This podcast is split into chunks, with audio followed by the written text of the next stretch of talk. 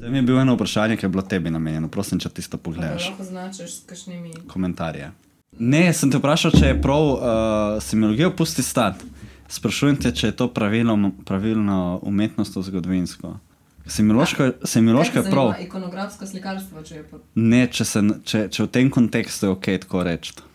Nisem se mogel spomniti boljšega izraza v tistem trenutku. Ampak da so Ja, si- noter. si. Da so noter podobe, to je figuralno. Eh, Hvala, no vidiš. Lahko je Nisem, tudi figuralno, ja. To si mislil, figuralno. ne, po, ne, figuralne, da so prav figure. Ne? Pač da, je nek, da vidiš, da je nekaj, Ja, da ni. da ni abstrakt. Ja. Kaj, je- kaj je umetnostno-zgodovinski pravi izraz? Je figurativno slikarstvo, če govoriš okay. O figuraliki. Ne? Figuralika konkretno A ni je predvsem vezana na, slovensko, na, sem slovensko, na človeško figuro, Ja, pa pravim. tudi živali in tako naprej. Sem, če so pa predmeti, pa ni več figuralik. Ni A, evo, ikonografsko, glavno ikonografsko, to so, Najdla. to je, to so pomeni. Ja, to je predvsem recimo, pač, ne vem, slika, imaš nekdo Evo, drži imaš- jabolko, to je mogoče jabolko spoznanja. To je v bistvu. Ja, se zato pravim. Sem, zato sem pa napisal komentar, da to je iz vidika semiolo, semiološkega pogleda prav napisano, iz vidika umetnostno-zgodovinske pa ne. Ni prav napisano. No, sej ti to, ker sem- odgovorila. Hvala, pa mi pa dej nadomestek te besede, ki bo boljši. Ja, jaz bi sicer tem ozirom mogoče človek prej rekel mimezis ali pa podobe. Čeprav mimezis je tudi malo zavojujoče, ker je bolj vezano po mojem na Jaz sem poobazovanje. ikonografsko, zato ker jaz izhajam fukrat iz semiologije, ki mi je to bliže. Samo sem vedel, da, to, da ikonografsko pomeni še nekaj drugega. A To lahko tudi jaz vidim istočasno. Boš malo Kaj govoril. ne zdaj s tem konjem, a ga lahko skinem, Ja, ne vem, zakaj se ga dala tja. ker sem ti hotela pokazati. Sem ga videl, fulje je čuden. Januar, najlepši mesec. Zdravo, dobrodošli v prvi epizodi druge sezone kritiškega posetka oziroma posladka v obliki podcasta. Z nama je danes vsestranski umetnik, kurator, producent in mislec Adrian Praznik. Dobrodošel pri nama, Adrian. Kako se počutiš? Ti je udobno? Jaz mislim, da je fantastično. Sam zate smo te luči ugasnili. Ja, atmosfera se mi zdi, da je lih uh, prava za en pogovor. Ja, zapit, vse v redu. Ja. Z vami smo tudi Jrnej Čuček Gerbec in Maša Žekš, ukvarjava se z likovno kritiko, kuriranjem, pisanjem in umetniškim ustvarjanjem. To, kar poslušate, je kritiški posladek, paraumetniški projekt, ki poslušalcu ponuja v specifično, ponavljajočo se prakso neformalnega dialoga med likovno kritičarko in urednikom. Torej nekaj, kar mi dva počneva in real life, občasno, zadnje čase pa kar mal bolj pogosteje, pa povabva tudi goste. Uh, aktualne domače akterje na sodobni sceni. Do sedaj sta naj obiskali umetnici Ema Kobal in Petra Korant. To lahko na kanalih, kot so YouTube, Spotify itd. poslušate za nazaj. Uh, vse pomembnejše stvari, avtorje, dogodke, reference, ki jih omenimo tekom podcasta in jih, damo, jih bomo dali pa polinkali v opis. Torej, če ste na, YouTubu, je v opisu videa spodaj, če pa kje drugje, da nimo na Spotifyju, pa so zapiski zbrani v opisu posamezne epizode. Lepo pozdravljeni. Poslušate kritiški posed. Posladek, posladek. No, tako na hitro, Adrianu, če je to sploh možno. ne. Uh, gre namreč za eno od tistih oseb, uh, ki v dnevu naredi malo očitno več kot 24 ur. To moš, moš malo povedati, pol, kako ti to rata. V glavnem, svojo formalno izobrazbo je pridobil na ALO, kjer se je prislužil titulo akademskega slikarja. Svoje znanje umetniškega prizarjanja oziroma razstavnih postavitev in splošnega premisleka v tej sferi pa je spopolnil še na šoli za kuratorske prakse in kritiško pisanje Svet umetnosti, to je od SCCA v Ljubljana. No, in uh, ena prelomna zadeva v njegovem uh, umetniškem razvoju pa je bila tudi dvoletna rezidenca v Švicariji, in to je bilo nekje 2020 do 2022, ki jo je zaključil samostojno razstavo in predstavitvijo nove usmeritve. Njegova dela smo lahko videli tako doma kot v tujini in to na nekih več kot 90 skupinskih in samostojnih razstavah. Omenimo le nekaj vidnejših. Čas brez nedolžnosti, novejše slikarstvo v Sloveniji. Gre za skupinsko, razsta, skupinsko razstavo v moderni galeriji, postavljeno leta 2019, kurirano strani dok, dr. Marine Vok. Martin. Martine, a, vidiš, se mi je zbežal v T. Naslednja je samostojna razstava poizkus postavitve v galeriji Alcatraz leta 2021 in sestrska, prav tako samostojna razstava ponovitev v galeriji Galeri. In ne na zadnje, prej omenjena razstava v MGLC oziroma Švicariji, Where Our Hearts Have Led Us, ki je neka vrsta kulminacija tega dvoletnega raziskovanja. Uh, s tem se bomo mogoče malo še kasneje dotaknili. No, poleg svoje lastne uh, prakse, pa Adrian tudi, uh, tudi, je pa tudi kurator in umetniško vodja galerije Simulakar v Novem mestu, ter istočasno prav tako kurator, ampak tudi producent pri platformi Kons, uh, ki se zdaj trenutno približuje svojemu zaključku. A Jaz sem ga hotel sam vprašati za en update, ker jaz Ok. okay. tvojega CV-ja na netu nikjer ne najdem. Mm Mhm. -hmm. To bi bilo full fine, ker meni It's včasih tako kot raziskovalec mi je fajn videti vsaj pregled razstav. Sem pa videl, da se ta številka 90 vsake toliko poveča. Malo poveča, ja. Kje smo zdaj, približno? Uh, Uh, jaz mislim, da smo nekje na 92 mojih, potem smo pa še na kol, puh, to pa zdaj bolj ocenjujem, Aha, nekje med kuratorskih. 30 in 40 recimo kuratorskih, uh, producentskih. no in to je v zadnjih kolikih letih zratelo? Od Uh, 2014, to je- 2015, Ne, veš ne? kaj že prej, to je po mojem že nekje tam od 2010 naprej. 20, ja, ampak ta bolj re, redna produkcija oziroma redno razstavljanje po 2014, 2015, ne? Uh, ja, predvsem bi mogoče bolj tako rekel, da nekje tam od leta 2011, 2012 naprej uh, postanejo pač to malo bolj resne produkcije. ne. Ja, ja. Uh, ker se mi no. zdi, da splošno v našem prostoru se je, kaj pa vem, v začetku 2000 začel pojavljati ta trend, da vse več uh, mladih umetnikov začne razstavljati. Prej je bilo v bistvu to mesto bolj uh, privilegirano za te, ki so zaključili mm -hmm. akademijo, pa tudi to ponavadi še ne takoj. Ne? Uh, kar se mi zdi, da je sicer po svoje prenese neke dobre stvari, se mi zdi, da, da umetniki, umetnice dobijo um, neke uh, neposredne izkušnje, dosti hiter. Se pa istočasno na ta način tudi zgubi nek privilegij tega, da imaš malo več časa za uh, študij, da ne rabiš mogoče svojega dela, svoj, svojih misli in tako naprej uh, zaključiti v neko zaprto formo. Tako da se mi zdi, da je to v resnici en tak dvorezen meč. In v tem oziru bi rekel, da zagotovo ene take resnejše razstave so se zgodile tam 2013-2014. Uh, v smislu tega, da si imel čas za premislek.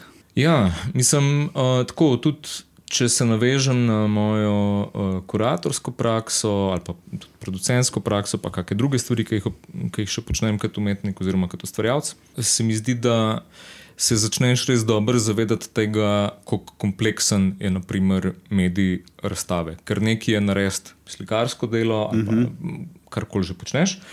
Uh, nekaj drugega je potem mogoče še o tem kaj povedati, napisati, uh, postaviti razstavo, uh, usvetliti razstavo. Tako se mi zdi, da je zelo veliko enih, um, enih nevidnih stvari, ki jih mogoče na svojem začetku ne opaziš, pa so pravzaprav zelo pomembne zadeve, ker, um, ko bi rekel, razstava je svoj medij. Uh, in uh, um, ima svoje zakonitosti, ki so mogoče drugačne od nekih objektov ali pa, ali pa nekih razstavnih eksponatov, ki so tam postavljeni.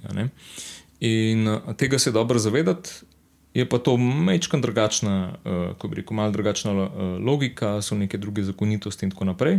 In tudi v današnjem času se mi zdi v tem pogledu pomembno to, da ok, nekdo naredi umetniško delo ali pa pripravi razstavo, je pa na koncu tako, da se zelo veliko ukvarjamo z uh, derivati tega. To se pravi, to, kar mi gledamo, je pogosto medijirano in predstavljeno prek socialnih omrežij, prek uh, fotografij, ali pa v končni fazi tudi tako, kot delamo, počnemo to mi, uh, mi danes tukaj, se o tem pogovarjamo, uh, se o tem objavljajo prispevki, članki in tako naprej. In to je vse en tak podaljšek umetniških del ali pa nek podaljšek razstave. ne. Ja, se zdaj načenjaš to, ne? ta uh, dvo, razliko med biti kurator in umetnik, oziroma medijator in ustvarjalec. Ne? Kako, to, kako si to doživljaš sam, oziroma kako vpliva eno na drugo. In se ti zdi, da ti je teže biti ustvarjalec, lažje zdaj, ker vidiš tudi drugo plat?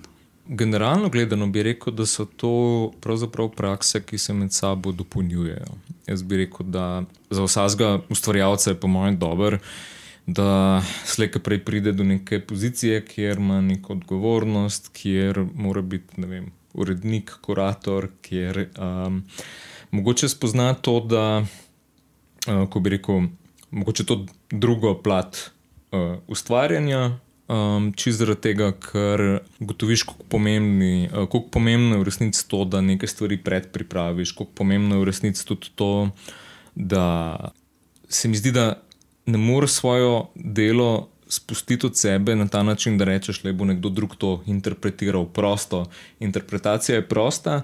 Jaz mislim, da, to, um, da je to zelo nehvaležno, oziroma da, da v tem primeru se ti lahko zgodi, da tvoje delo postane nekaj popolnoma drugega.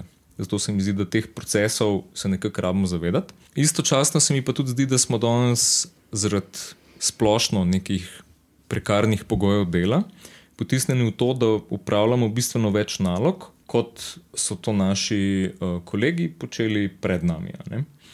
Uh, pač odpre se zagotovo uh, zagotov neko področje, ki se jim reče vem, razpisi, socialna obrežja. Skratka, zelo veliko uh, uh, nekih nalog že prevzamemo na sebe, zaradi tega, ker je pač splošno narava časa tašna. Bi pa zagotovo rekel, da te izkušnje nas v enem oziru opolnomočajo. Jaz mislim, da teh časov, ali pa bi se rekel, da takšnih časov ni bilo, ampak so nekako romanticizirani. Ko nekdo najde umetnika in zagrabi njegovo genialno delo, ga, ga začne razstavljati, prodajati, kako koli že.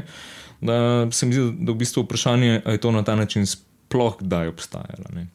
In v tem oziru se pa začne zavedati, se začne zavedati tega, da moraš znati sam nekako komunicirati stvari, ki te zanimajo, ali pa ustvarjati prostor za te vsebine.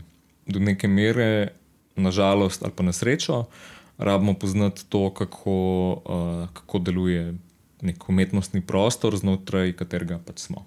A se ti to zdi, da bi lahko bilo tako zoženo, specifično samo za nas, kle v kulturi oziroma vem, v umetnosti. Recimo, ne vem, nikoli ne bi iste zadeve si upala trditi za kakšne druge poklice, v smislu, vem, da če si, če si misliš, ne vem, opremiti kopalnico, moraš znati tudi ploščice postaviti. Ali pa, a veš, kaj mislim. Če hočeš nekaj, da moraš slejko prej probati tudi uno, kar pa še zraven, samo v resnici ni tvoj job. A veš, kaj mislim? Recimo, da v tvojem primeru recimo, se ti zdi smiselno, da se ne vem, nekdo, ki je sprva mogoče zgolj umetnik, na neki točki sreča z delom kuratorja ali producenta, če ne drugega, zato da vidi kako ne biti dušbek kot umetnik in kako ne, ne vem, zamujati z roki ali pa um, ne biti odziven, ali pa da je vem, postavitev pomembna, da je tekst pomemben, da je fajn, da prideš zraven na vodstvo. Ne vem, take neke banalne stvari. Medtem ko mogoče je to um, pri kakšnih drugih poklicih nekaj, česar se ne vzpodbuja, oziroma je frowned upon.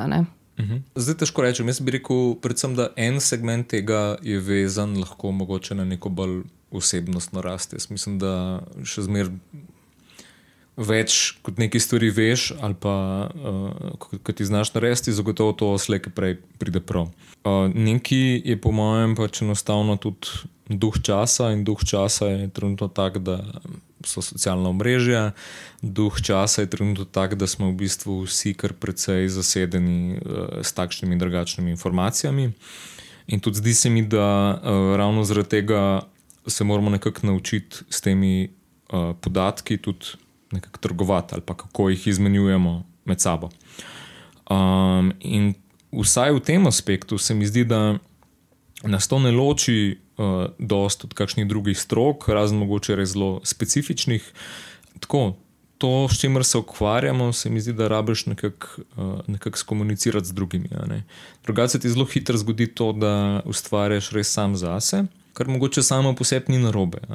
Je pa, je pa tukaj potem zagotovo nek ta aspekt, kako boš, uh, uh, kako boš potem lahko deloval ali pa preživel znotraj področja, um, ki te zanima, ali pa znotraj področja, uh, katerega deluješ. No, sej se mi zdi, da je tudi odvisno.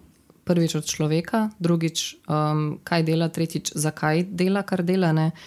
Vem, čist banalen primer, če nekdo je umetnik in si to lahko prvošči, brez da kadarkoli, da ne rabi živeti od tega, hočem reči. Naprimer, recimo, takih stvari mogoče ni treba početi. Pa imamo nekaj takih primerov. Ne? Isto, recimo, če je mogoče nekdo, ki se mu upira in nikoli ne bi želel delati več kot samo ustvarjati, in ga to tudi ne zanima. Recimo, ne?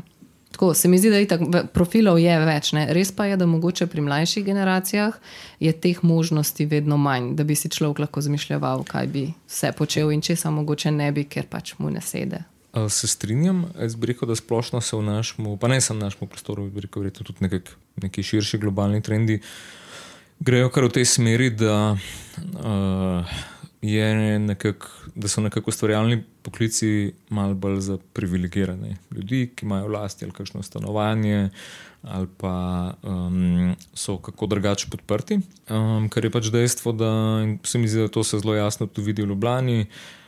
Najemnine so astronomske, če si predstavljamo, da določeni ustvarjalci rabijo plačevati tako najemnino za tele, kot najemnino za neko stanovanje ali pa sobo, v kateri bivajo, so to zagotovo uh, pogoji, ki niso, uh, ki niso zavi, zavidljivi. No?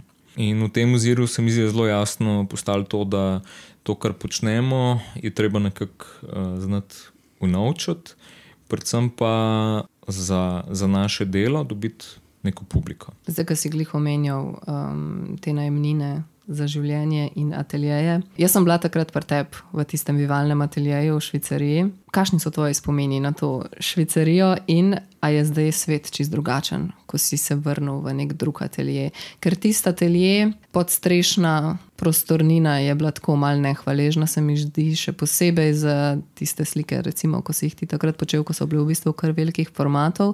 Čeprav prostor sicer ja, full cute in vse, ampak zdaj dve leti ustvarjati nekje, kjer v bistvu ti ne moreš dosegati svojega potenciala, ki ga čutiš tisti trenutek, zna biti kar. Ja, jaz bi rekel, da je tako. Seveda so spomini in, in, in dobri in slabi, in vedno je lahko boljši, in, um, in kakšne stvari so.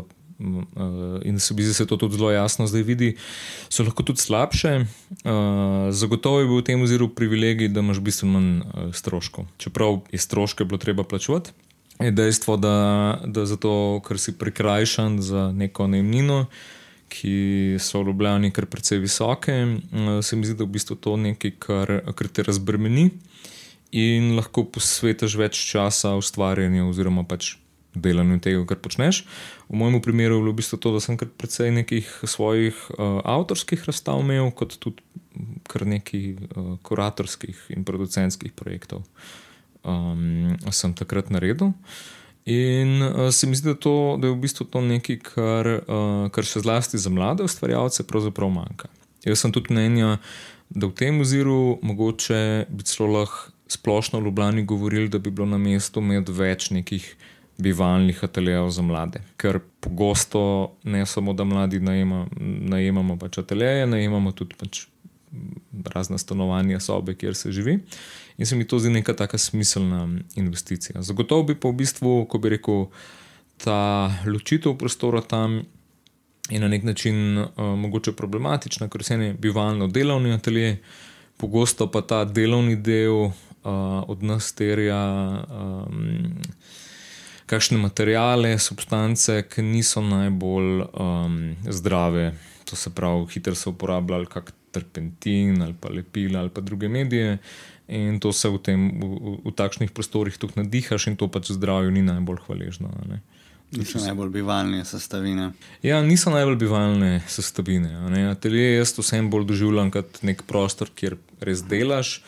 In uh, vsaj v določenih uh, trenutkih to ni najbolj. Ja, se, ne vem, se ti spomniš, da si kdaj doživel v tobačni. Uh mhm. -huh. Tobačni so včasih bili tudi taki bivalni ateljeji. V bistvu. bili, v resnici so bili ateljeji, ampak večina ljudi, ki je, ki je živela tam, je živela tudi tam. Čeprav nisi imel niti zares uh, kakšnih toaletnih prostorov, urejenih in tega, ampak uh, bilo je par teh um, ateljejev, ki so bili tako malo višji strop, in potem imel še tak mini medzanin od zgoraj. Uh mhm. -huh. In ljudje so si pač tam veliko krat uredili še prostor za spat. Ampak spet ne primeren prostor za to, da bi ti živel s tvoj, z, ne vem, če si recimo slikarni, res uporabljaš določene topile in to ni šans. Tisto, niti, tisto še za slikati ni bilo v tem smislu, mm. ker ni bilo, ventili, ni bilo nobene ventilacije, razen če si odprl okno. Ja, ne, to je zagotovo tudi ena taka plat, o eh, kateri mislim, da se ne govori prav dosti in to je, da Ja, da, da ne samo sam določena topila, to se pravi, že, že tudi akrilne barve, pa tudi pigmenti sami po sebi, tudi te današnji, iz katerih so že uh, izločeni določeni pigmenti, ki so bili pa zelo strupeni, recimo svinc, ja, ja, svinčena dela in tako naprej. Um, so prav zares materijali, ki so tok toksični že, že sami po sebi. Seveda je zelo odvisno. Iz tega vidika potem v bistvu slikarske atelje mora biti specifičen, tip, bi mogel biti specifičen tip prostora. Recimo, če se pogovarjamo o nekem varstvu pri delu, ponavadi, kadar govorimo, ne vem, recimo uh, analogno temu, neke um, avtoličarstvo, ne, to, to so prostori, ki so posebno, posebno uh, opremljeni z ventilacijskimi sistemi, ljudje nosijo posebne maske, uh, prostori, ki, m, prostori so pač obstajajo določeni protokoli, kako se s tem sploh sme delati. Ne iz vidika, kako je ljudem všeč s tem delati, ampak iz vidika varstva pri delu in bi v primerjavi kršitev lahko prišlo tudi do oglobljena. Mm. Ampak zdi se pa zdaj, tako, ko razlagaš, kot da v bistvu v umetnosti ne obstaja, pa sploh noben ne, ne protokol, ne nič. Ne? Pa bi, Um, zelo malo se tudi opozarja na to. No? Čeprav uh, pogosto, um, ko bi rekel, sko- te, tekom zgodovine uh, imamo, po mojem, tudi dosti nekih primerov, to se pravi, ko so kakšni ljudje malo zblazneli zaradi terpentina, svinčene barve in tako naprej. Ampak ja, to so tudi, po mojem, um, nevarnosti, ki jih ne opaziš takoj, ampak jih opaziš čez deset let, uh, kjer se ti pa reže nekje pozna. Ne?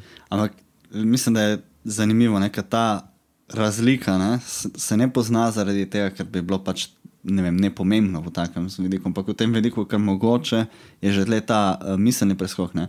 Ko govorimo o raznih delovnih pogojih in delovnih prostorih, razmišljamo o razno, razno raznih poklicih. Ko govorimo o, o ustvarjanju v umetniškem okolju, pozabimo omeniti, da je to delo. In zato, ker ni delo, ne pade pod, v navednicah, ne, pod uh, varstvo pri delu. Ne. Mhm. Se mi zdi, da je pač uh, že tako, kot družbeno to ne enačimo. Se, v bistvu bi se človek res vprašal, ne, recimo, če v Švicariji uh, ti prostori niso najbolj primerni za slikarstvo, zato ker niso pravilno, niso pravilno zračeni. Ne. Zdaj ne vem, dejansko so ali niso, kako se da, kako se ne da. Ampak dajmo reči, da, da niso tako v, hipotetično, zakaj recimo uh, ni inšpekcije nad tem. Ne?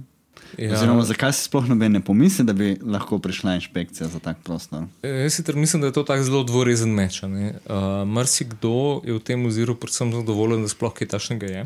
Ne, Ja, ne, ne me narobe razumeti, ja. da bi zdaj mogli te stvari zapreti, ampak veš, uh, že pri pripravljanju takega prostora, pri, za, pri tem, ko se opremi tak prostor, se tudi naredi določen, uh, recimo, ko se Švicarija, mislim, da se tudi malo pred tvojim začetkom, nekaj let Jaz pred mislim, da so oni 2017. da je Ja, 2017 nekaj, nekaj takega so imeli renovacijo. Ne? Takrat, recimo, zaprošili za sredstva. V teh sredstvih bi mogli biti notri tudi te stroški že navedeni. Ne? Je pa pod spomeniškim varstvom, tako da je tukaj tudi vprašanje, kako je to splošno, uh, to se pravi, kakšnim pogojem morajo zadostiti. ne. Ja, ampak recimo, um. tako kot recimo, za, če hočeš operirati s hrano, ne boš dobil dovoljenja, da del, delaš v neprimernem prostoru. Ne? Isto bi bilo za neke, za neke prostore. Ne? Ja, ampak je pa to splošno potem spet neka taka pozicija znotraj našega slovenskega prostora, kjer um, se gre. uh, Ker gre pač ta uh, uh, dialog pogosto v tej smeri, uh, bodi vesel, da si nekaj dobil, ker če se bodo stvari preveč zakomplicirale, tega najverjetneje ne bo. Ja, ja sej pol noben ne problematizira tega, ne, ne ustvarjalce, ne, ne druge. Res je. In tudi to je zelo nehvaležna pozicija. To se pravi, vedno, uh, ko se znotraj našega prostora proba neke standarde zvišati, um, se po mojem prej zgodi to, da se stvari utišajo, kot da, da se dejansko neke zadeve spremenijo. Ne? Ker um, smo pa vendarle v eni taki neugodni poziciji, da se zelo malo zgodi kaj takšnega, da kdo reče, da če bo pa preveč zakomplicirano ali pa če to ni. Če se ne da takoj rešiti, se tega raje ne gremo. Ne? To se pravi, se mi zdi, da se tudi to umetnost um, bolj razume v smislu neke dejavnosti, ki jo radi počnemo. Ne? To se pravi, ki je prosto, prostočasna dejavnost. In manj, um, manj v smislu nekega resnega poklica, to se pravi, nekoga, ki se s tem ukvarja profesionalno, od tega tudi živi. Uh, in tukaj zagotovo manjka zavedanja, uh, ko bi rekel, kakšne vloge vse umetnost lahko ima. Pa lahko tukaj govorimo od uh, čist nekih, uh, mogoče bolj političnih vidikov, to se pravi, da je umetnost tudi uh, ena uh, državotvorna uh, vejo lahko, ali pa iz tega vidika, da uh, je mogoče to tudi, uh, da ima nek potencial z vidika izobraževanja, da ima nek potencial z vidika, da splošno dviguje nek raven družbe ali pa neko raven bivanja znotraj družbe. Da je mogoče tudi umetnost nek dober mehanizem, da, da opozarja na napake, da kritizira in tako naprej. Tako da se mi zdi, da v tem oziru smo nekako kar mal, uh, smo mal zaspali, ne? vsaj kar se neke splošne populacije tiče. Zelo dobro bi bilo, in to se mi zdi po svoje tudi v redu, ker na nek način vajni podcasti mogoče to tudi spodbujajo, je, da se lahko ustvarja pa vendar neko malce širše zanimanje za, za umetnost, to se pravi tudi strani splošne družbe, ker se mi vsem zdi, da, uh, da je to nekaj, kar v našem prostoru v bistvu manjka. Marsikam, kamor gremo, tudi vem, lansko leto, ko, uh, ko smo šli pogledat dokumento, se je izkazalo, da v bistvu zelo veliko nekih lajkov hodi na, na to vrstne festivale in da se na ta način tudi ukvarjajo z najrazličnejšimi uh, vsebinami, ki jih umetnost medijira. Uh, znotraj naše družbe se mi zdi, da je to prej nekaj redkega, kot pa pravilo. Skoraj, skoraj bi mogli imeti galerije za vas, je, nad vrati. Mi smo v resnici, kar se, kar se galerij, pa splošno nekih nevladnih organizacij, ki znotraj tega področja uh, delujejo, se mi zdi, da smo v bistvu zelo dostopni, zelo odprti, tudi zelo veliko stvarimo. Nekako pa se je mogoče tudi s, to, s tem pristopom, ki ga imamo, to se pravi, da, da um, so stvari tako nekako splošno dostopne, da zelo iščemo svojo publiko in tako naprej, da se prek tega tudi doskrat zgubi neka vrednost. Ne? Čist nek banalen primer v tem oziru je mogoče to, da um, nismo navajeni plačati kakšne vstopnine. Ali pa da smo vajeni, da so pogostitve na odprtih razstavah, recimo za ston.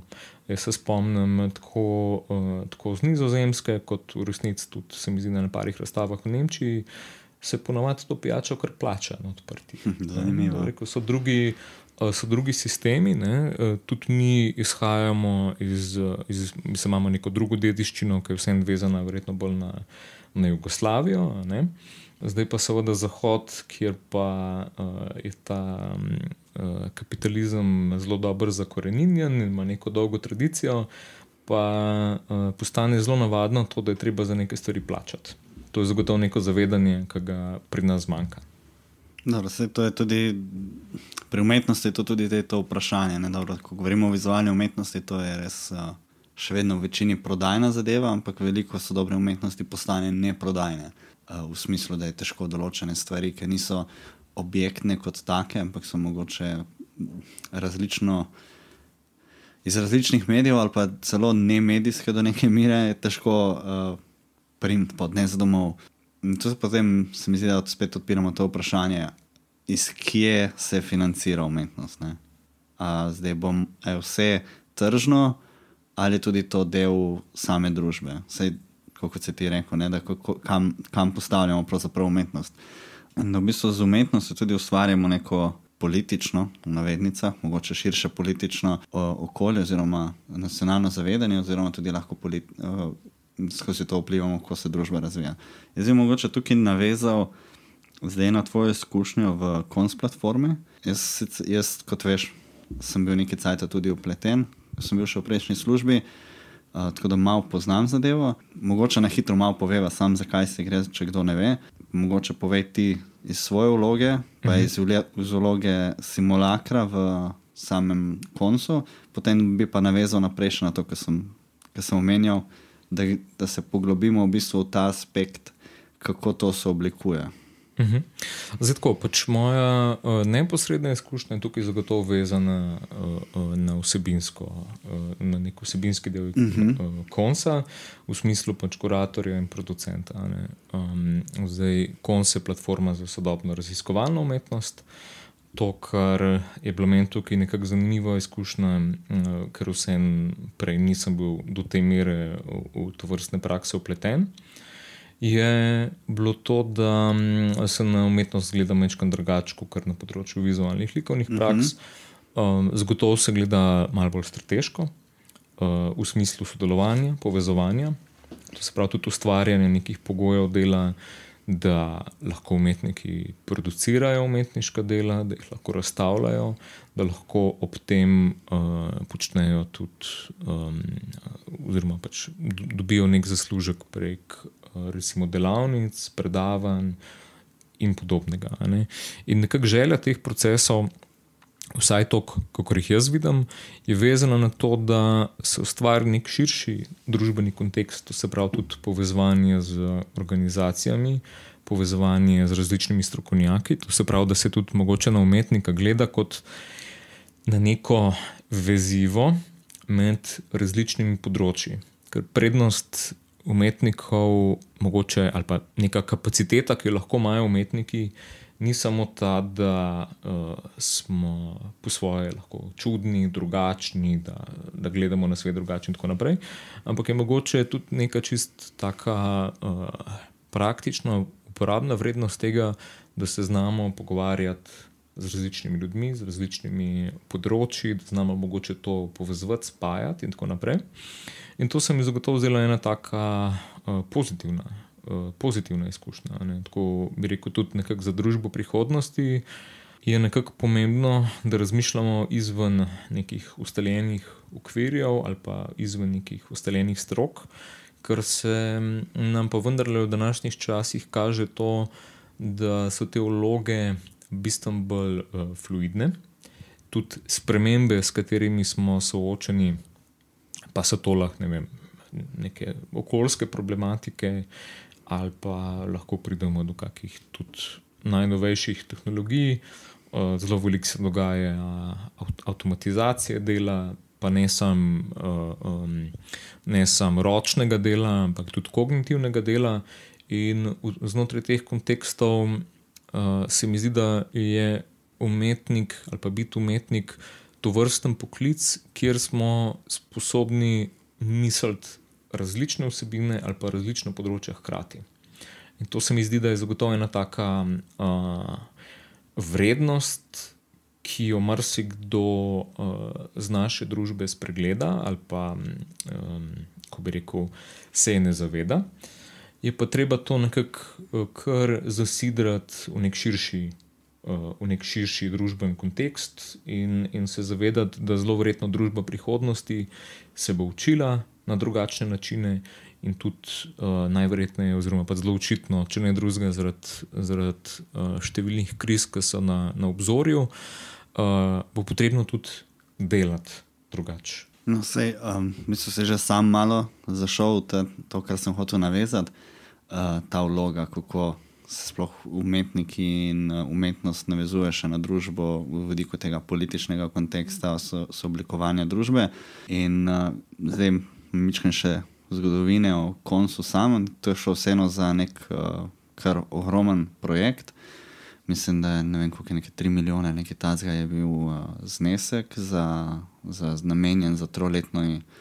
Za koliko je že organizacij notri? Devet. Uh, devet. devet za devet organizacij v Sloveniji. Ampak sploh da je prišlo do tega, Zdaj, to je vseeno eden večjih projektov v Sloveniji, kar se sploh tiče umetnosti nasplošno se mi zdi, vsaj kar se tiče intermedijske umetnosti, iz kjer to tudi nekako izhaja, je šlo tudi za, za tem za neko um, dejansko politično igro, da se je sploh prišlo do tega poziva, da, se dalo, da so se ljudje sploh lahko, da so se lahko organizacije sploh prijavljale.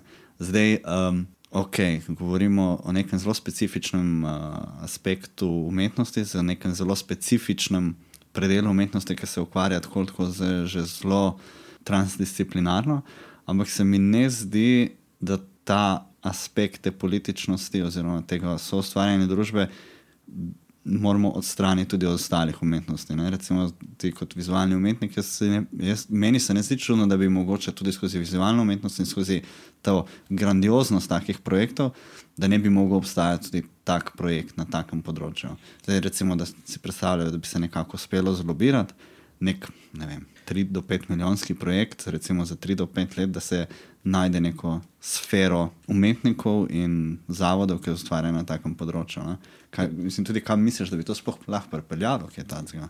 Ja, jaz bi začel v tej, v tej smeri, da bi rekel, uh, ne samo, uh, da se mi zdi to možno, ampak bi rekel, da se mi zdi to tudi uh, nujno. Določeni intermedijski producenti se mi zdi, so zelo dobro opazili to, da, rekel, da so te sistemi, znotraj katerih delujemo, so bistveno, bistveno večji, kot si um, na prvi pogled mogoče predstavljamo. In um, za me osebno so pomembna vprašanja, to se pravi, ustvarjamo, ustvarjamo umetnike, ustvarjamo kuratorje, ustvarjamo različne organizacije in tako naprej. Uh, to, da ustvarjamo pač določene kadre ali pa določene institucije, se meni samo po sebi ne zdi, uh, ne zdi dovolj. Ne. Tukaj so zelo velika vprašanja v smislu, zakaj to počnemo, kaj bomo s tem delali. Uh, Kaj je v bistvu plan od zadnje? Kaj je namen tega? Ja, ja. Ker sicer je to um, nek račun brez krčmarja in ponavadi to tudi vodi bolj v probleme, kot v, v, v iskanje kakšnih rešitev. In tudi nek razmislek, ki sem ga jaz opazil, oziroma izkušnja, no vse zadnje, tudi tako nekako, kot sem probo kot producent in kurator tudi delovati, je v resnici to, da um, se mi zdi dobro, da se ukvarjamo z umetniki, z umetniškimi deli, ne samo na ravni tega, kaj hoče umetnik povedati, ampak tudi na ravni tega, kako sploh proizvesti določene vsebine. Jaz vidim težave v tej smeri, da če hočeš določeno vrsto umetniških del delati, rabiš imeti takšne delavnice, rabiš imeti primeren prostor, rabiš imeti na vse zadnje primerna razstavišča in rabiš imeti tudi publiko. In publika je nekaj, kar uh, pozabljamo, to se mi, zdi- se mi zdi zelo hitro. Ljudje mislijo, da publika, kar je tam, v bistvu pa publiko treba ustvariti. Treba jo tudi vzgojiti, to se pravi, da oni sploh lahko mislijo določene vsebine, in treba jih je v končni fazi navaditi, da hodijo na razstave, da se pogovarjajo o, o umetnosti, o umetniških delih in tako naprej, in da to zasede pravzaprav neko, uh, kako bi rekel, da, da na nek rutinski način zasede neko mesto v, v njihovem življenju. Ne? Tudi zdi se mi, da tekom COVID-a in teh raznih lockdownov se je zelo jasno videlo to, da ker dogodkov ni bilo, so določeni ljudje ali pa ja, določeni ljudje, določene skupine ljudi, ki so hodili na razstave.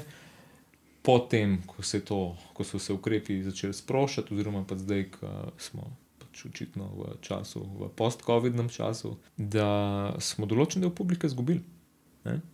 Zaradi te prekinitve in v končni fazi tudi zaradi tega, ker pa obstajajo določene platforme, dobro, v tem oziru jaz to bolj identificiram kot zabaviščne industrije, razne, razne platforme, ki so ne vem, pač kot Netflix, HBO ali pa kakšne glasbene platforme, kot vem, Apple Music, kako koli že, tega je res ogromno.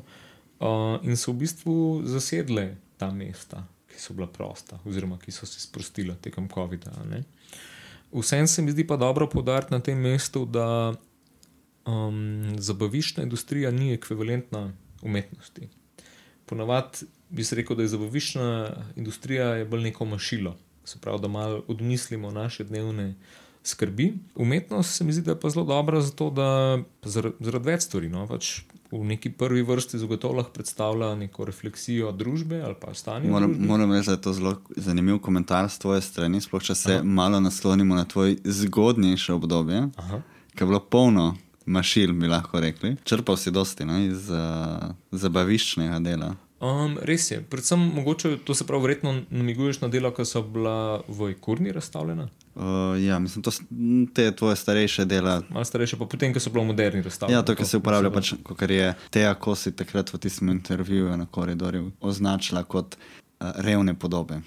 Ja, ja. Revne podobe se mi zdi, da je sicer nekaj, kar je tudi nam zelo skupnega, v tem oziru, da, je, da so to podobe našega skupnega Ja, imaginarja. ja, ne, sej. Ampak pravim, pravim, da se mi zdi tako zelo zanimiv komentar s tvoje strani, da zdaj označiš uh, te, ta dela, ki so v bistvu kot mašina, hkrati si pa v bistvu črpal iz njih uh, inspiracijo. Ne?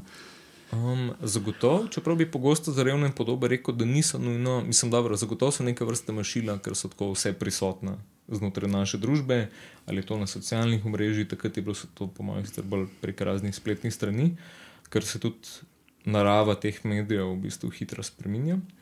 Ampak um, bi pa rekel, ja, da iz teh revnih podob tudi na koncu sem jaz delal umetniška dela. a ne. Ta, te Ja, ja revne sej, podobe so- za, ta so- transformacija. Ampak, ja. ampak vseeno, da priješ do njih, jih moraš konzumirati. Ne?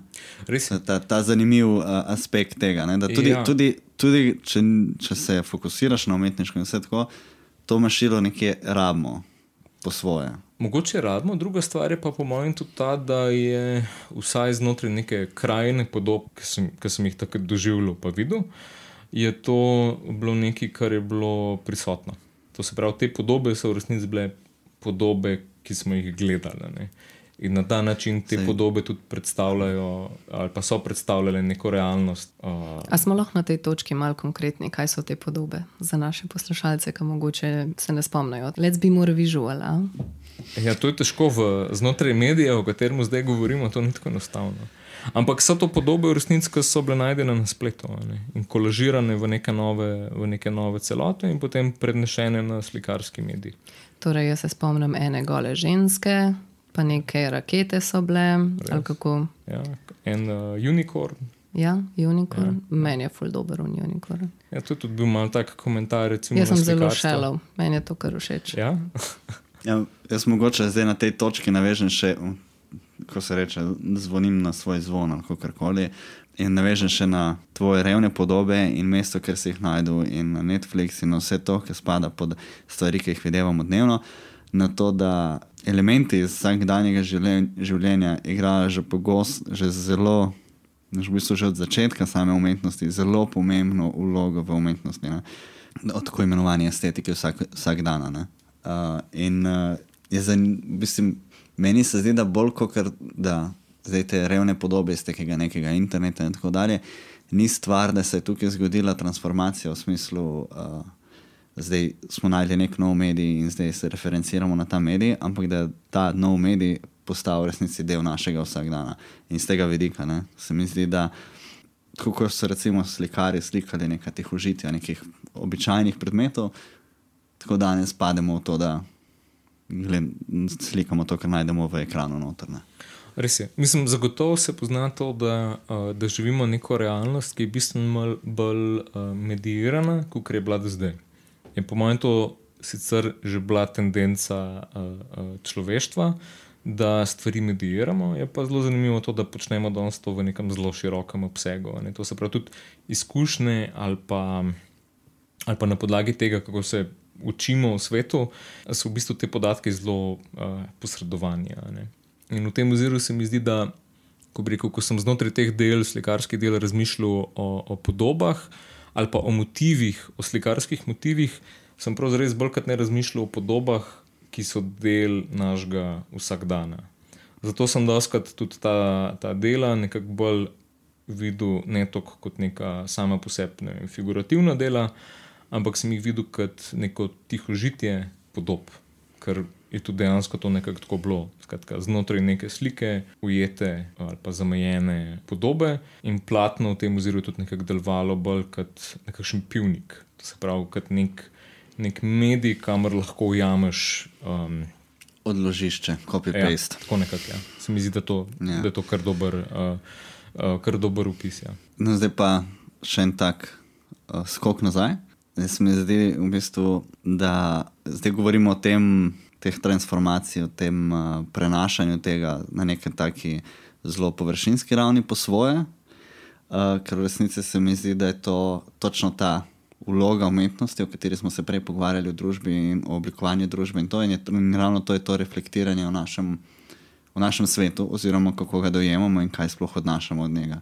In mislim, da tukaj je ravno tisto, kar mogoče manjka, kar mislim, manjka, ne manjka, ampak eh, je tisto, kar tistega koraka, ki ga ne naredimo, ker, navaja, ker ljudje niso več toliko navajeni, da bi vključevali to v svoj vsak dan vidika, da bi hodili na razstave toliko, toliko in se tudi pogovarjali o tem. In to je to, da v bistvu skozi te neke podobe, ki teoretično banalne, uh, razmišljamo o tem, kako se sploh ne vem.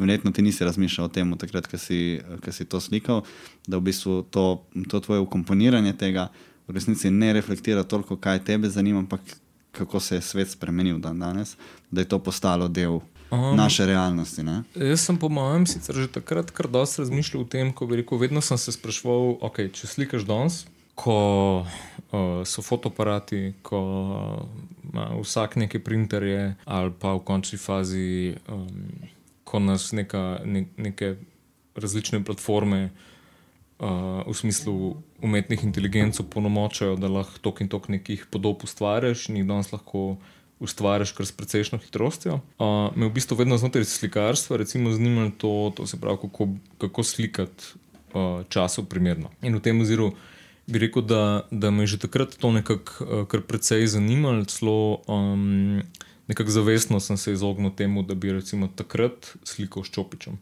Ker se mi zdelo, da je to neko tako precej zaznamovano urodje in da odseva nek drug čas. Um, je pa zagotovo, pač neki so, neki so podobe same, nekaj je pa v resnici tudi metodologija, kaj za tem, tudi material. Jaz mislim, da v bistvu se mi zdi zelo pomembno, kako misliš umetniško delo prek materijala, pa v bistvu prek nekih konceptov. To se mi zdi nekaj, kar, um, za kar rabi biti vem, slikar v današnjem času, kar nekako dovzeten. Ja, zdaj pa na tej točki, ker smo se pogovarjali tako zelo o splošnem in tudi na splošno, na splošno o sami sferi umetnosti pri nas, bi šel pa malo na osebno noto.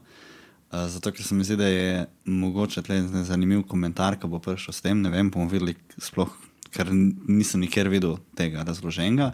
V tem času, ko si bil ti v Švicariji, se meni zdi, da se je pri tebi zgodil en tak preobrat v samem načinu dela, na samem upodabljanju in si skoraj da popolnoma zamenjal pristop do te tvoje slikovne površine in si jo osiromašil v bistvu figuralike. Mhm. In zdaj me zanima, kako je šel ta postopek. Ker sklepam, da se to ni zgodilo tako čez noč, po mojem, je bilo vmes še en kup stvari, ki jih mogoče niti nismo videli. In misliš, da, zakaj misliš, da se je to zgodilo? Uh -huh. um, jaz bi rekel, da je, da je tukaj zagotovo par stvari. Ne? To se pravi, če nadaljujemo od te prejšnje serije, ki jo nekako v, uh, nekak v oklepaju pojmujem kot Soylent Barok, ampak to je tako zelo delovni naslov. V resnici, takrat, ko sem to serijo delal, uh, to nisem imel niti tako poimenovano. Se je zgodilo v bistvu nekaj tašnega, da v bistvu ta naš sistem mladega umetnika zelo hiter zelo hitro zapopade, zgodijo se razstave, kakšne rezidence, um, dobiš kakšne razpise in tako naprej. Uh, potem se mi zdi pa zelo, zelo možno, ali pa zelo možno se zgodi to, da padeš v neko praznino. Ker vse dosti majhen, uh, majhen prostor, smo in tako naprej. In uh, moram reči, da to je bilo krajno tako težko obdobje, ugotoviti potem, kako uh, uh, se prilagoditi nekim drugačnim razmeram. In uh, znotraj tega, to se pravi, ko je, ko na neki točki postane uh, težko razstavljati, ali pa če tudi mogoče prideš do tega, da sem bil res vajen delati te velike slike, ko kar naenkrat postane to zelo drago in si tega ne moreš prevoščiti, se začneš kar dosta ukvarjati s samim sistemom. Sprav, zakaj je temu tako? Ne? In takrat je v bistvu nastala ena serija, ki, ki v bistvu kar precej časa, se tudi na nek način je tudi še danes zmeraj aktualna, v tem hipu je sicer malo bolj na stranskem tiru, v bistvu serija, ki se reče čista špekulacija, ki se v končni fazi ukvarja z neko, mogoče tudi samo metapozicijo uh, umetniških del, v tem smislu, da je doskrat od, od dela samega celo bolj pomemben kontekst. To je pravi galerija, v kateri razstavljaš, uh, tekst, ki je napisan zraven, naslov dela. Um, Medijske objave, kuratorji, s katerimi se zelo in tako naprej. Se pravi, da, da je mogoče ta vrednost tega dela pomembnejša od, od, od dela samega. Um, in s tem se v resnici kar dosti časa ukvarjam. Se mi tudi zdi, da je to tako zelo ena taka smiselna, ali pa tako, da lahko kar na nekaj primerih, verjetno v našem prostoru, vidimo, da se ta tranzicija nekako zgodi. In bi rekel, da, da bi splošno to fazo jaz opisal kot tako zelo analitično fazo. Hotel sem razumeti, zakaj so stvari pri nas takšne, kot so. No, potem pa, ko sem to nekako razumel, ali pa vsaj do neke, do neke mere razumel, se mi zdelo pa v bistvu zelo zanimivo nek segment ali pa nek aspekt uh, življenja, ki bi ga pa poimenoval kot iracionalnega. Se pravi, splošno kot ljudje, kot družba, imamo radi stvari pod nadzorom, radi planiramo uh, in vidimo, kako se stvari razvijajo.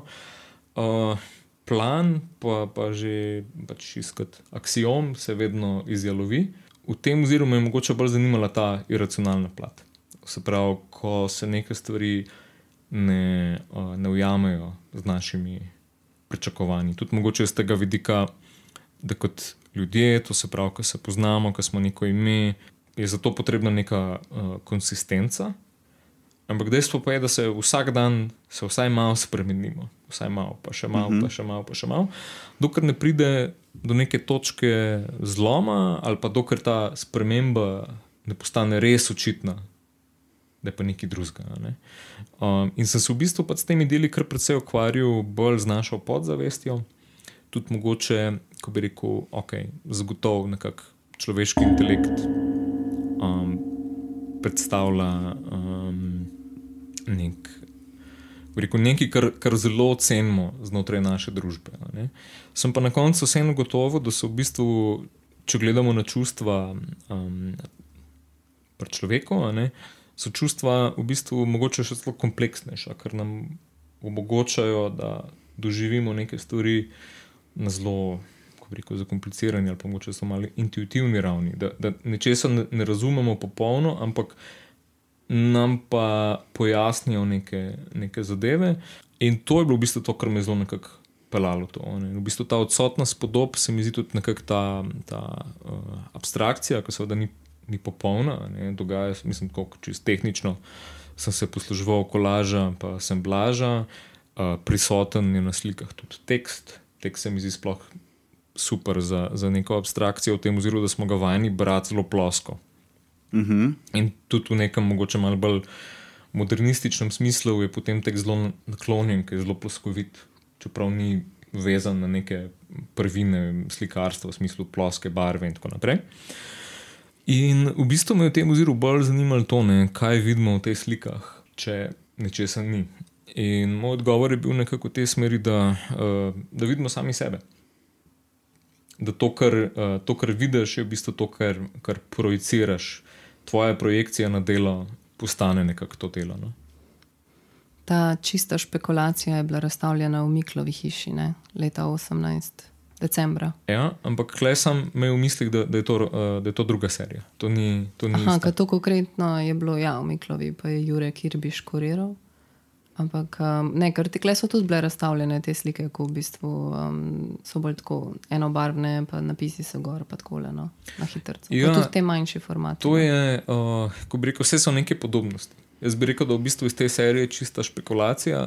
Sem zelo veliko enega znanja vzel, pa ga prenesel uh, potem v bistvu to serijo, ki ima pa nekako tak delovni naslov, iracionalno ali pa iracionalno slikarstvo, je pa precej drugačno kako rekel, te, to iracionalno slikarstvo so tudi kar večji formati. V bistvu so, res, tako sem se probojil spet na to, da bi nekaj res velika dela naredil. In tudi, tudi to vrstnega dela me je kar dosti odmikalo to, da znotraj našega prostora nimamo uh, producentov. Ali pa da manjka producentov, ki bi lahko na tak. Ki bi pomagali, da lahko neka večja likovna, vizualna dela uh, narediš. Uh -huh. V kakšnem smislu? Uh, v večjih smislih. En zelo konkreten smisel je v bistvu to, da um, v zadnjih vem, 15 letih, odkar uh, delujem kot umetnik, uh, bi rekel, da je kar draginja, kar se ustvari, ustvarjalnih materijalov tiče. Um, to se pravi, ker naenkrat se zgodi to, da so stvari trikrat draže, kot so bile. Uh, zdaj pa, če delaš neka večja dela, uh, trikrat draže, zakomplicira stvar. Kar poznane. Ja, ja. Že za neke podokvirje je bila je cela štala ne, v zadnjem letu. O, res je. Ja, ja. To se pravi tudi nekakšni mizari, les, to se vse, vse se blazno draža.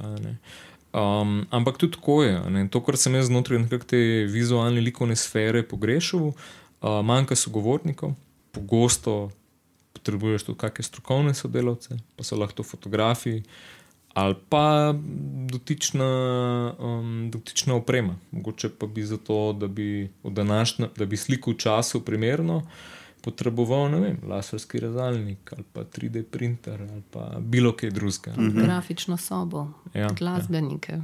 Ja. mislim, ampak je malo tako. No? Analog, mislim, da... Strokovnjake za analogno tehnologijo. Vse. Ampak tega manjka. Mislim, kako koli obrneš, ko bi rekel, zelo zaprto, znotraj pač neke likovne ali pa vizualne produkcije, doživljamo umetnika kot eno tako zelo zaprto. Mislim, da je nasplošno manjkal pri nas eh, v Sloveniji ta eh, podporni sistem, sploh na te vizualne umetnosti. Vem, um, recimo, imamo čisto en tak primer da, za grafiko. Ne?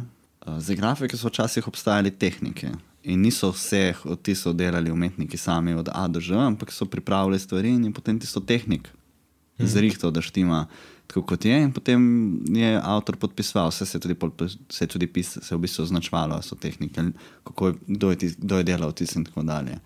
A, Podobno pri fotografiji. Ne? Pri fotografiji včasih uh, so, mislim, je bilo normalno, da je pač, ne vem, fotograf pofotkal in polje delal z nekim tehnikom, ne? sploh za recimo črno-belo analogno. In je bil pač nek tehnik od zadaj, ki je poznal procese in vse to. In ti si mu pač povedal, kaj hočeš imeti, in on je to naredil. Mm. Spomnim se nekega dokumentarca, mislim, da jih od Sugi Mota, to je pač en fotograf, uh, sodobne, sodobni fotograf, japonski.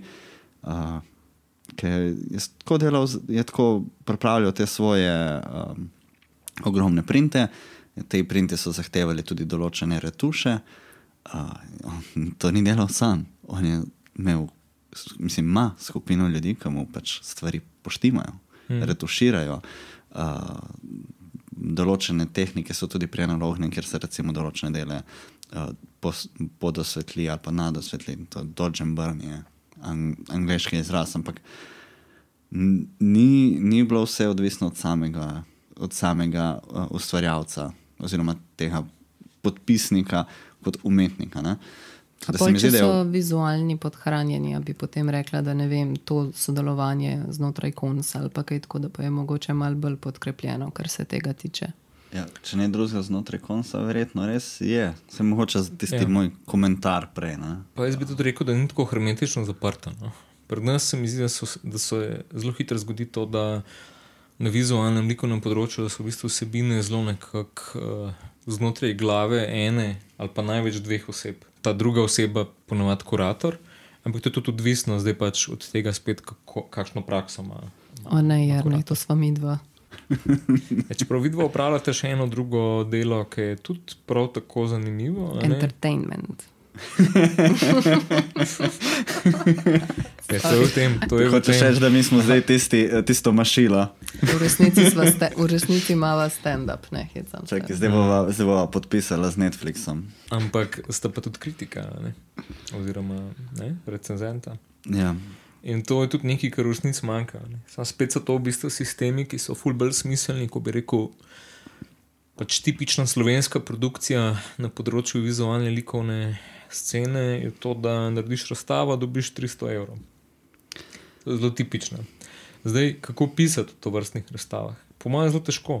Zaradi tega, ker si, ko bi rekel, ali pa vsaj jaz bi bil zelo težko kritičen, če se zavedam, da je nekdo delal v zelo siromašnih pogojih. Tako iz vidika kritika. Jaz mislim, da je zelo pomembno, da, sm, da pač kritik napiše problematike, ki so od zadaj, tudi mm. če so to stvari, ki so problematične zaradi primankovanja denarja, zato ker to po, postavi nek obraz, tudi če avtor sam ni kriv, zato ker ni bil plačan. So pa produkcijske, produkcijske okoliščine, ki so krive, da ni bilo to tako narejeno. In če se, te, če se o tem ne pogovarjamo, če, tem, mm. če o tem ne govorimo, ne bo nikjer, ne bo, ne bo ne vedel, da tukaj nekaj ne štima. Ne? Dobro, se pogovarjamo med sabo v kulturnem obmo območju. Ja, super, ampak kaj pa druga populacija, ki pa ne ve, kako to deluje? Tudi oni morajo vedeti, da stvari ne štimajo in da stvari ne morejo štimati, če se pač ne vnese notri primernih financ. In tukaj je to spet, kar smo se prej pogovarjali, ne? v političnosti, v umetnosti. In Ja. ja. kakšna je vloga in zakaj ne? Ja, znotraj našega prostora se mi zdi v bistvu dosti pomembno, da so uh, umetniki tudi v tej smeri angažirani. Ker uh, drugače so spremembe, po mojem, zelo težko možne. Um, ja, se mi zdi pa v bistvu kritika zelo pomembna, je pa spet kritika eno izmed teh področji, ki je verjetno uh, ena zaradi krize tiskanih medijev, kot tudi verjetno zaradi tega, ker je neka splošna javnost izgubila uh, interes za umetnost. Uh, potisnjena tudi uh, na, na obrobje. Pač kritike je dosti malo. Ker vem, da svoj čas, Mislim, meni- 20-30 let nazaj, so se v, v delu, pa v drugih časopisih, bistveno več nekih Meni se kritik zdi, da je tudi zdaj problem kritike v Sloveniji to, da zato, ker je tako malo, je niti ne moramo razvijati v smer, ki bi bila primerna, primerna za čas in primerna za publiko. Mhm. Ker šele če imaš neko, dovolj, če imaš neko kritično maso, če imaš nek uh, obseg tega dela, se lahko Jaz, po mojem, da kritika, kot je bila včasih, danes ni več primerna. Ker, vem, če, tiste, če, je, če je bralcev premalo kritike danes, danes, je to posledica tega, ker pač kritika ni šla v korak s časom. Torej, se ni, ni način pisanja sovpada s tem, kar pričakujejo bralci. Zdaj, da se pa piše kritiko samo za tistih par uslužbencev v moderni galeriji in v, sodo, v MSUM, pa ne vem, če smo kaj naredili. Pa, um, pa za ministrstvo še. Ja, zagotovo zelo, uh, so, so te zadeve postale zelo nišne, um, ko bi rekel, tudi z vidika pač nekih vsebin. Ne. Ker rekel bi namreč to, ne, to se pravi tudi sami umetniki, pa galerije, ne, ustvarjajo pravzaprav res produkcije, ki so zelo specifične, ki imajo mogoče svetovno gledano veliko publike, lokalno gledano pa te publike najverjetneje ni tako velike. In že tukaj se mi zdi, so v bistvu neke te diskrepance, um, ki, se, ki se znotraj sistema dogajajo. Se mi pa zdi, da seveda tudi tako. Kot, ustvar, kot ustvarjalec, kot tudi kurator, se mi zdi, da je nek feedback, uh, čeprav kdaj negativen, uh, da je dobrodošel. Sej, jaz sem jih prav razmišljal, se je rekel, da uh, bi bilo nepravično pisati, da je nekdo slabo, uh, slabo naredil, zato ker ni, on ni imel pa produkcijskih stroškov. V bistvu je bilo ful zanimivo, da bi bila neka res uh, ostra kritika na neko tako zadevo, da bi se potem zgodil škandal, ki bi bil umetnik užaljen, seveda. uh, Upravičljivo, in da bi to dejansko rado neke vrste poltrač, ki bi končal po medijih in bi se začel pogovarjati malo bolj resno in malo bolj javno o tem, da Ja, seveda, stvari ne morejo biti take, kot so, če ni podporne, podporne infrastrukture. Ne? Uh, res je pa tudi, uh, ko bi rekel, najlažje uh, je kriviti avtorja. Se mi pa zdi, da in to je tudi nekaj, kar sem se v enih ozirih pač trudil kot kurator, pa producent sam izvajati. Je v bistvu to, da uh, ponudiš umetniku več kot sem prostor. Prav umetniku rabiš ponuditi tudi neko podporo, uh -huh. pa rabiš se pogovarjati z njim. Pa rabi se zavedati tega, da mm, različni umetniki imajo različne težave. To se pravi, ni, ni vedno za vse rešitev to, da, uh, da so boljše finance. Jaz mislim, da za nekatere je rešitev to, da imajo ta pravega sogovornika, ki bi rekel, da jim pomaga. Zato sem ja, naraščal, ja. rekel, in podporne infrastrukture, in ja, ne samo ja, finance. Ja. Jaz mislim, da je to kar, kar pomembno. Ne? Mi v bistvu zelo velikega dela um, naložimo umetniku, se pa ne zavedamo tega, da so kuratorji, pa producenti Ja, ja, sej- in tako naprej zelo pomembni. Uh, Ko se pogovarjamo o politiki in o izobraževanju, ne, smo- mi imamo.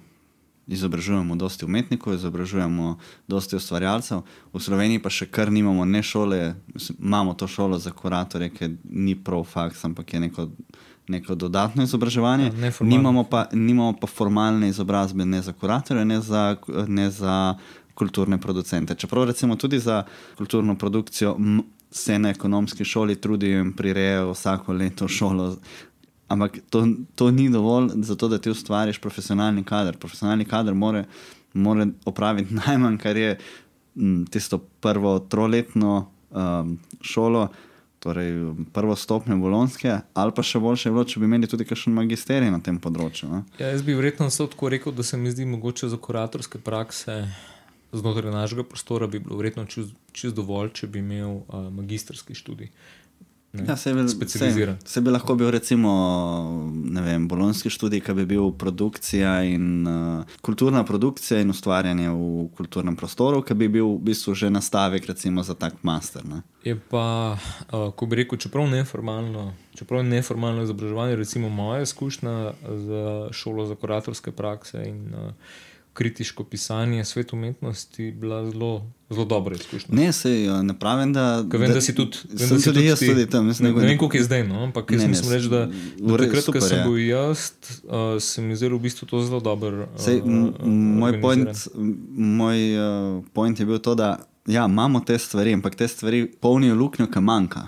Res, Neki, res te stvari bi lahko prerasle to. Ne? Se bi lahko iz tega zraslo, se ne. Mislim, pač brez, brez, brez, nastavljeno je že. problema, Ne? brez problema bi preraslo. Ne. Brez problema bi lahko preraslo. Jaz mislim, da tudi so neke ambicije v tej smeri že bile. Ne vem pa, kaj se je potem. Uh, jaz za uh, kuratorsko šolo ne vem, vem pa, ker sem bil na tej uh, poletni šoli kulturnega menedžmenta. uh, ker smo se pogovarjali s profesorji iz ekonomske, njihova želja je, da bi ustvarili pravi program. Je pa težko v Sloveniji ustvariti uh, akreditirane programe, zato ker imamo zelo tok sistem uh, šolski. Ampak njihova prav želja dejansko je. Da bi se naredilo to prav kot program. Ja, ne, se meni se zdi smiselno. No. Še zlasti, mogoče res z vidika, ker mi, mi res ogromno enega kadra proizvedemo uh, po drugih sm- smerih umetniških. In uh, pa, pa tudi umetnostna zgodovina, razne likovne pedagogike in podobno. Ne. Mene ful te stvari drugače zanimajo. Ko bi rekel, to, to vrstne stvari sem jaz gotovo, da so kar esencialne. Uh, za samo delo na koncu. V tem smislu se mi zdi, da danes avtor ni sam avtor umetniškega dela, ampak v bistvu avtor postane, po mojem, tako že sam po sebi nek statement ali pa neka filozofija. Ne. Tako da, verjetno res ne. Mislim, tako, pa zdi se mi, da ko rekel, tudi čas je tak, ko je recimo vse en znanje kar precej dostopno, tudi možnosti je kar veliko. Res je tudi, da je tudi zelo veliko konkurence. To se pravi, da je to tudi zagotovo ena, ena, ena stvar, ki je za razliko od vem, 30 let nazaj ali pa 100 let nazaj, je precej drugačna. Ampak se mi zdi pa v bistvu zelo pozitivno to, da lahko neka različna znanja, ki jih imaš, spajaš v eno celoto ali pa v eno malce večjo celoto, ki gre, um, gre preko vem, tega, da si umetnik ali pa ki gre, gre preko tega, da si kurator. Ampak se mi zdi, da mogoče lahko uspeš neke malce večje stvari povezati in ustvariti um, določeno miselnost ali pa prostor za, prostor za določeno miselnost. ne. In to se mi zagotovo zdi en tak izziv današnjega časa. To je tak lep zaključek. Ha? Jaz sem v bistvu hotela, sam, um, če bi mogoče, preko smo v koncu to govorili, če bi mogoče samo naštel teh devet um, Uh, lahko, institucij, ja, ko so poleg, torej zapisano. Ja, Zavod Kersnikova, ne, Ja. ja. uh, projekt Atol, Ljudmila, Osmoza, Zavod Axioma, Zavod Cona, Akademija umetnosti Univerze v Novi Gorici, tukaj si ti bil poleg, je, Jernej. Potem uh, MKC Maribor, Mladinski center Velenje in pa torej lokal Patriot iz uh, Novega mesta, tukaj pa je Adrian zraven. Ne? Za gali galerijo simulakra mogoče fajn, da še, še to omenimo spotoma. Če ja, že omenjamo mislim, da- lokal patriot. Uh, ja, to je taka tudi zanimiva stvar. To se pravi, nekako uh, galerija Simulakar se mi zdi zagotovo ta brand uh, lokal patriota, ki mm -hmm. je zelo dobro poznan širše, uh, uh, širše, kar se naše države tiče. Lokal patriot se mi zdi pa v bistvu bolj tako, čisto Oj, k- regionalno. Se zdi, da ta galerija simulakra je en tak zanimiv pojav v slovenskem prostoru, zato ker je ena redkih na periferiji, predvsem. Ni, ni sicer tako usmerjena, da bi delal tako kot recimo Axioma, ki ima zelo fokusirano delo, ampak ima pa nek, nek, nek film. No. Mm. Um, ja, mislim, čisto kar se galerijskega programa tiče, v enih ozirih to, kar je en filter, je zelo odvisno od tega, sploh kaj je možno. Mogoče se je res zgodil en shift, no, takrat prej je bila mogoče malo bolj fotografska, prej si ti prišel zraven in pred koncem. Um, čeprav to je biti, po mojem, še, še bolj. To govorimo verjetno bolj galerija Simulakar 15 let nazaj. Zagotovo je nek pečat v galeriji Simulakar takrat spustil Matjaš Brulc. Uh -huh. Ko se mi zdi, da v teh ozirih bil vsebinsko kar dosta odprt, je marsikaj marsi kakšno stvar naredil. Uh, potem pa je zagotovo galerija imela tudi neko svojo krizo, ne? to se pravi, niso bili več, niso bili več uvrščeni na, na, na programsko financiranje. Mm -hmm. Tukaj pa pol bilo zagotovo več nekih sprememb. Ne? Zdaj pa, odkar sem jaz, se mi zdi, da je bilo to mečkam bolj urejeno, posledično zagotovo, kar se konca tiče. Ja, mislim, Um, da konc je tukaj prinesel en kup uh, ja. možnosti in Predvsem ole, neke možnosti- olajšave, tudi zaradi, vs- Predvsem možnosti, za to, da, ja, predvsem možnosti za to, da bolj pogl- poglobljeno sodeluje z avtorji. Ne? Da se res ukvarja s tem, kaj bo na razstavi in tako naprej. Čeprav iskreno povedano, ne čisto iz tega, ker uh, sem tudi hišni kurator, veliko se počutim rahlo preobremenjeno, kar se vsebinskega dela tiče, zato ker uh, skoraj iz meseca v mesec delati nove vsebine, to ni, uh, ni Ja, ker- enostavno. Ne? Kar zelo Ej, ampak uh, spletna stran vam pa še zmerno dela. Ne. A to bomo rezali ven. Res sem hotela, zdaj trenutno uh, v petek je bila otvoritev ne, razstave Nejca Trampuža. Kako je bilo? Uh, v bistvu uh, najbolj, da uh, pozamem kar eno kolegico umetnico, uh, ki je rekla, da že dolgo ni slišala uh, u, ujanja na, na razstavi. tako da um, bi rekel, da, da, da bo resnici zelo uspešno. No? Da bo zelo uspešno. Um, je kar precej specifična razstava, tako po vsem, mogoče dobro. Katero delo je zdaj, nisem se Veš, kako pogledal. Je, uh, to se pravi, to je pravzaprav naša prva letošnja konsprodukcija. To je Bye Bye World. Ne, Ne, ne, to, je je, to bil? je bilo pred To je bilo dvemi prej, leti. ne? To je bilo pred dvemi leti narejeno. Uh, Another Future Another Entirely. Future. Um, to se pravi, vsebina se dotika okoljske problematike, zdaj pa sama met- metodologija je, je, se je posluževala pač nekih transdisciplinarnih pristopov, tudi tega, da smo govorili z, z znanstveniki iz področja okoljevarstva, s psihologi, ker smo resnici ugotovili, da je eno zelo pomembno vprašanje to, kako te vsebine komuniciramo z drugimi. Uh, urodje, ki se ga je umetnik posluževal, pa umetna inteligenca. To se pravi OpenAI, GPT-3, kar se tekstualnih segmentov tiče, in Midjourney, kar se vizualnih. ne. Uh, in klej mi je bil še zlasti en tak izziv, mogoče v tem oziru, kako iti res z umetnikom od začetka, od snovanja projekta, pa vse do konca, do realizacije. In verjetno, kot si lahko predstavljate, še zlasti pri takih projektih, ker več ljudi sodeluje, je ogromnega uh, problem solvinga, ogromno enih zapletov, usklajevanja, reševanja mm. tega. Feedback, to je bilo tudi nekaj, kar sem jaz osebno kot umetnik dosti pogrešal, kako se tekom tega ustvarjalnega procesa, kako dobiti neki, nek input od nekoga, ker pogosto ga ni. Ne? In um, bi rekel tako, seveda. Gre za mlajšega umetnika, to je po mojem tudi nekaj, kar je znotraj koncev manjkalo. Mislim, da ta, ta feedback je nekaj, kar, ljud, kar akademski umetniki oziroma ljudje, uh, avtori, ki so bili ali na nekem um, do diplomcu ali na kakšnem magisteriju, veliko doživijo za čas študija, dosti manj pa potem. Pa potem, ja. In klej sem jaz videl res nekaj, kar znotraj našega prostora manjka. ne. Eno je v bistvu to, da si z nekom zdraven, ko snuje stvari. Mm -hmm. Bi rekel, zelo klasičen, zelo klasičen model znot- znotraj našega prostora je v bistvu to, da nekdo nekaj naredi, tem ali prek razpisov, prek mailov ali pa prek poznanstva, kako mm -hmm. že. To uh, se nekako skuri, uh, uh, skurira, oziroma pač pride do določenega kuratorja. Uh -huh. Ta kurator ponovadi to vzame kot nek tak surov material, ga umesti na razstavo, je to skupinska, je solo razstava, kako že, o tem nekaj napiše, ampak ponovadi kurator, ker napiše nekaj na to temo po svoje. To se pravi, se mi zdi tudi zelo marsikaterim kuratorjem v bistvu v interesu to, da neke svoje vsebine uh -huh. uh, uspejo prilepiti na, uh, na umetniško delo. Ne? Um, in v bistvu tako zelo uh, odrezen pristop. Nekdo nekaj naredi, ki je to zaključil, če to gre nekako naprej v tem procesu, potem kurator, organizator, kdo že to pograbi in spet nekaj uh, pove. Zelo malo se mi zdi, da je v bistvu neke odgovornosti tekom mm -hmm. tega procesa. To se pravi odgovornosti v smislu tega, da tako rekel, tudi tako, kot ustvarjalec, kot umetniški vodja, kot kurator, se mi zdi, da ne bi kar vse dal od sebe. No, se mm -hmm. tako. Za marsikoga je pa v bistvu to vse, pa se reče, to je ta, to je ta povedal.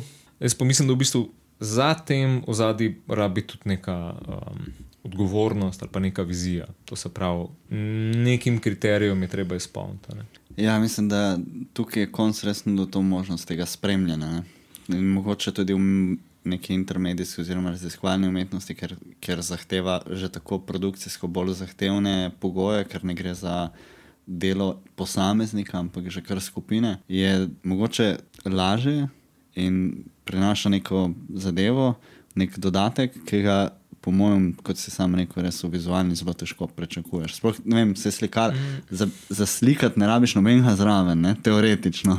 Ampak praktično si pa jaz predstavljam, in to je tudi ta težava, ki jo vedno probam komunicirati tako raznim organizacijam znotraj našega prostora, kot tudi raznim mm, ministrstvom za kulturo ali pa vem, uh, mestni občini Ljubljana in drugim, je v bistvu, da te procesi niso čist takšni. Jaz se to pravim, da, da, da manjka, se, manjka, se, manjka se dialog ne, o ja, tem. Ti procesi, te procesi so bili takšni 30 let nazaj, ampak svet se je spremenil. In v bistvu je treba spremeniti te pogoje dela, da postanejo drugačni. Ker jaz, ki slikam, jaz bi imel koga zraven. Ne vsakič. sej- sej ne moj, vsakič, moj ampak- komentar ni bil, da, Ja. da, da, da, da, da si sam in da je to tako, ampak pravim, da teoretično ne rabiš. Ne? Mm. In eh, se mi zdi, da uh, to, kar ti praviš, je po mojem, ja, ok, pomankanje tega, ampak je pomankanje tudi samo dialoga o tem. Zagotovo. Zagotovo manjka. Mislim, dialog je vedno začetek. Treba je izpostaviti probleme. Smo pa ustvarjali pač tako umetnike, kot v končni fazi tudi institucije ali pa neke druge, druge udeležence, ki si tega dialoga, dialoga v resnici ne želijo. Ker ta dialog predstavlja problem ne, za stanje, takšno kot je zdaj. In nekaterim ljudem trenutno stanje odgovarja, ampak jaz mislim, da je to treba, da, je ven, da so spremembe v tem oziru vendarle potrebne. In da mogoče nek podoben mehanizem, kot se je zgodil na področju intermedije, je na mestu tudi, kar se tiče nekih likovnih, vizualnih produkcij. Jaz mislim, da je treba tako umetnike, kot institucije pripraviti na čas, ki je pred nami. Uh -huh. In ta čas je zelo drugačen od tega, kar je bilo. In se mi zdi, da po svoje je sicer fajn, da se po svoje spodbuja privatne galerije, da se po svoje spodbuja mogoče kakšne kuratorje, neke ideje, kako, kako oblikovati takšne drugačne razstave, tudi bienale in, in, in tako naprej. Ampak znotraj tega je po mojem treba razmisliti, da vstopamo v nek čas hitrih sprememb.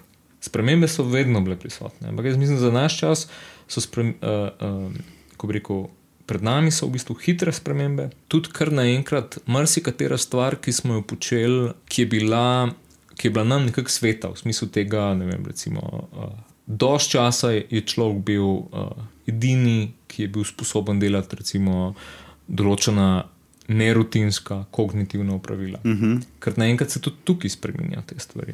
To se pravi, um, vstopamo v nek čas, ki bodo stvari bistveno drugačne, in je vprašanje, kaj je tukaj vloga umetnosti, ali kaj je vloga vizualne umetnosti. To se pravi, kaj je to, kar mi delamo. In mislim, da um, če hočemo ustvariti umetnost, ki ustvarja, ki ustvarja neke pomene ali pa neke.